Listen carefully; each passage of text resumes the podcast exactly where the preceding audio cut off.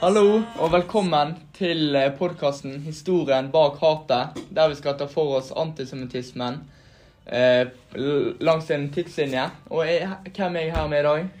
Du er med Storm. Håkon. Og Joar.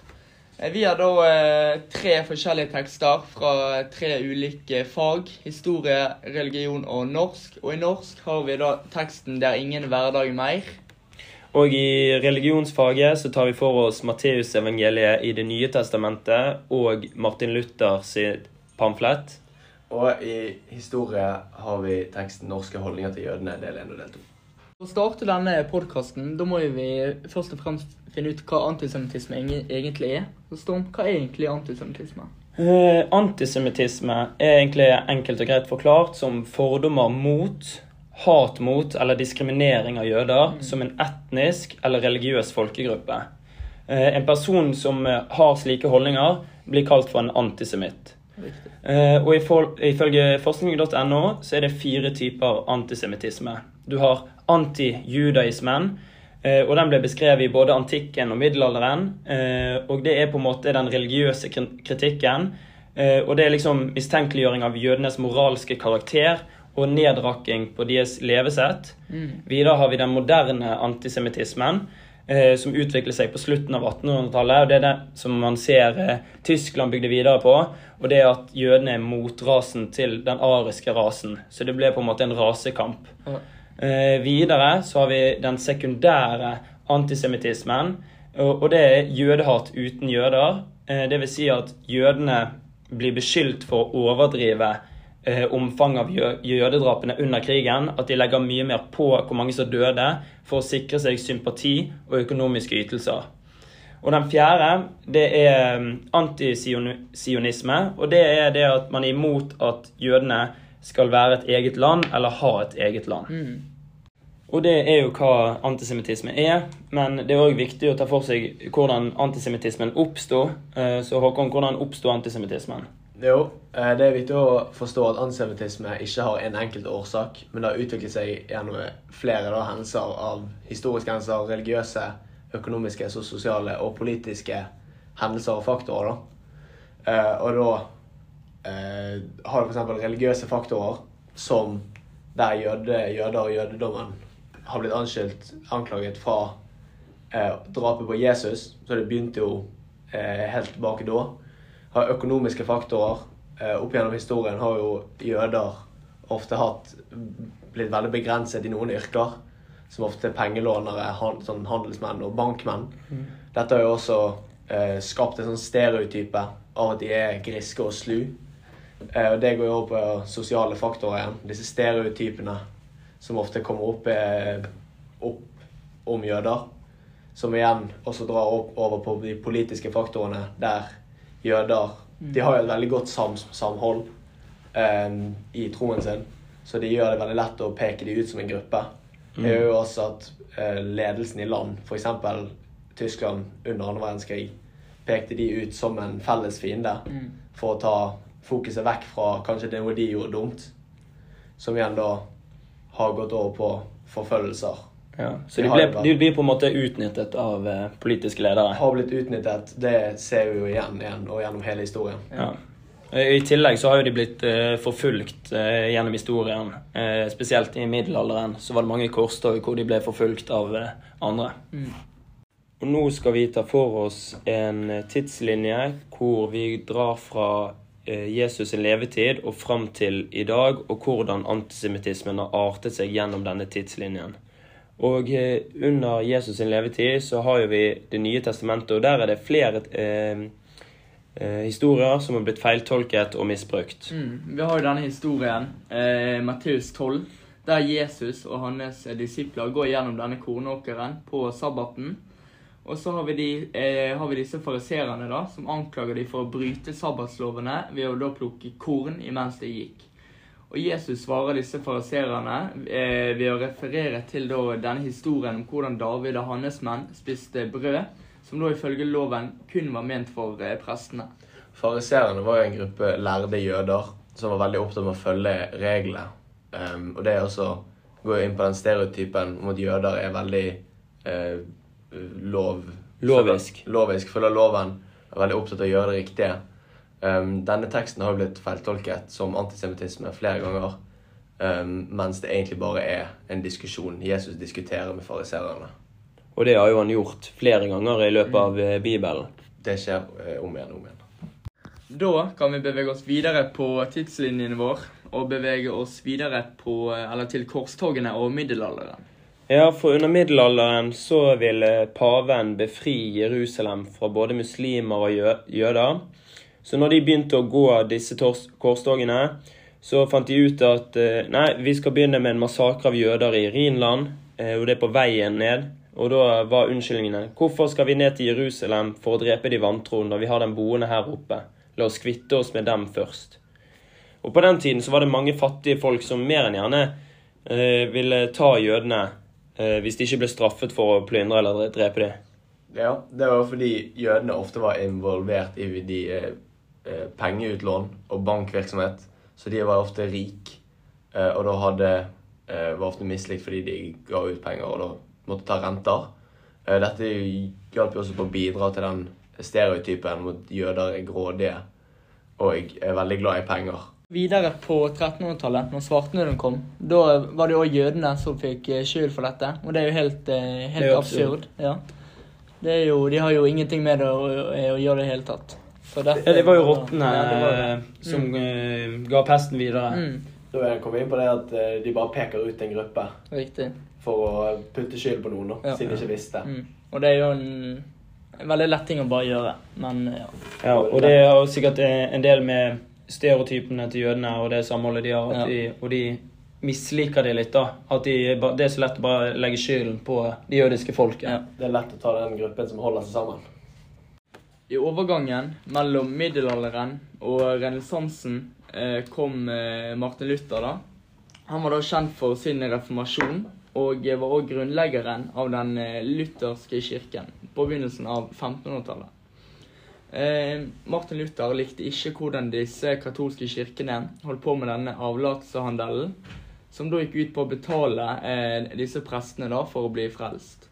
Eh, Martin Luther ville at eh, troen skulle være enda mer personlig enn det den allerede var. Og eh, han oversatte òg Bibelen til eh, tysk. Og Martin Luther han var egentlig positiv til jødene i starten. Han håpte på konvertering og kritiserte kirken eh, mye for hvordan de hadde utnyttet jøder.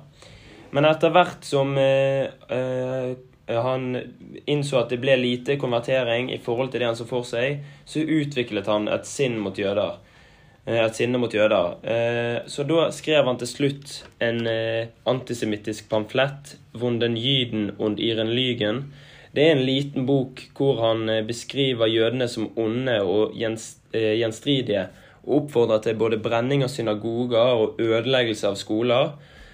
Eh, Og selv om han til slutt ble antisemittisk, så er det viktig å skille disse synspunktene med det positive han har gjort for kristendommen. Ja, og Under annen verdenskrig så ble denne boken løftet fram av nazister både i Norge og Tyskland, som ville vise at eh, Martin Luther støttet eh, holocausten og det de gjorde. Og Da er dette enda et eksempel på tekster blir feiltolket for å fremme antisemittisme. Så kommer vi jo over på den moderne antisemittismen som eh, ble utviklet på slutten av 1800-tallet. og Det handler jo det om at eh, jødene er motrasen til ariene. Eh, Og det er jo det som er liksom hovedgrunnen til at det blir et jødehat i Nazi-Tyskland etter første verdenskrig. Eh, For etter tapet på første verdenskrig så oppstod det et rykte. Det oppsto et rykte om at de tyske væpnede styrkene ble dolket i ryggen av kommunister, sosialister og andre politiske motstandere, og da sist, men ikke minst jøder. Eh, derfor oppstår det denne dolkestøtslegenden. Det gjør det også lett å putte skyld på noen andre for tapet. Um, og etter det så kommer jo Hitler mer og mer til makten, eh, blant annet fordi han bygger på denne dolkestøtslegenden. Og etter hvert eh, mot krigen så innfører Hitler mer og mer sanksjoner mot jødene. Blant annet da i 1935, Nürnberg-lovene, hvor da alle jøder blir eh, fratatt statsborgerskapet sitt. Eh, og det ender jo til slutt med konsentrasjonsleirene og utrydningsleirene. Etter hvert som tyskerne okkuperte land som Norge, så fikk de spredt sin eh, propaganda om jøder til den norske befolkningen. Og flere nordmenn ble altså antisemittiske og fikk et jødehat pga. disse propagandaene. Og det spredde seg til og med til fangeleirer. Ja, vi leste jo en kilde i historien, den norske, jøder, norske holdninga til jødene, hvor da eh, vi har blant annet eh, tidligere, eller som blir Milorg-leder, Jens Christian Hauge, hvor han sitter da i en fengsel hvor det sitter en jødisk fange. Og da eh, skriver han hvor mye dårligere de jødiske fangene blir behandlet enn de norske fangene. Og også hvordan eh, han stadig vekk ser norske fanger som rakker ned og eh, snakker dårlig om de jødiske fangene. Så selv inn i fangeleirer der eh, de liksom var i samme situasjon, så blir det et sånt rasehierarki. Også da eh, Hauge, som senere blir Milorg-leder, som motstands, og motstandsmennene, som da skal stå for frihet og likhet, han også da får disse holdningene. Vi så også en film i historien. Ja, vi så jo den, eh, den største forbrytelsen. eh, Der eh, vi så i fangeleirene at de som var helt, helt jødisk, 100 jødisk, de ble sendt direkte til Auschwitz. Mens de som var da giftet, altså var gift med en, Arisk. en arisk, ja, de fikk bli igjen. Som å lese de dagbokutdragene fra f.eks. Anton Hauge, så kan vi skjønne hvordan folk endret seg og fikk andre meninger ut fra samfunnet de var i. Man kan også forstå eh, mennesker hvordan mennesker hadde det med å lese tekstene de skrev, og diktene de skrev. Da kan vi bl.a. lese 'Det er ingen hverdag mer' av Gunnar Hofmo. Så i år, hvem var Gunnar Hofmo? Gunnar Hofmo hun var en norsk eh, forfatter eh, som da ble sammen med en jødisk flyktning, Ruth Maier. Og dette var jo da òg ulovlig, eh, både, eh, både det at hun var jente og jødisk. Eh, hun, Ruth Maier ble da sendt til Auschwitz med mange andre norske jøder. Og i denne Ingen hverdag mer, der eh, klarer vi liksom å, å se gjennom hennes tekster hvordan, hvordan hun opplevde det. Og Storm, har du noen egne tanker på, det- på dette? Eh, Ja, når vi leste diktet 'Det er ingen hverdag mer', så klarer man eh, ganske enkelt å tolke eh, hvordan hun så på krigen. Eh, at det var dystert. Hun skriver f.eks.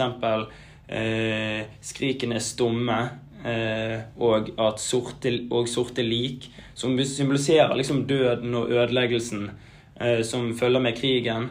Eh, så Gunnar Hofmo eh, var ikke redd for å vise hva hun følte etter krigen, eh, når hun hadde opplevd så sterke ting. Du kan liksom sende det forferdeligheten og desperatheten gjennom diktet, da. Ja. Og etter krigen fikk jo jødene staten Israel eh, som da en kompensasjon for det de eh, gikk gjennom eh, i krigen. Og eh, her, da Israel er jo Jerusalem, en hellig by for da både kristne og, eh, og eh, for både kristne, men også islam. Eh, og dette har jo da ført til eh, flere konflikter. Eh, og jødene mener jo òg at, eh, at Israel skal bli, altså skal bli mer og mer deres, da.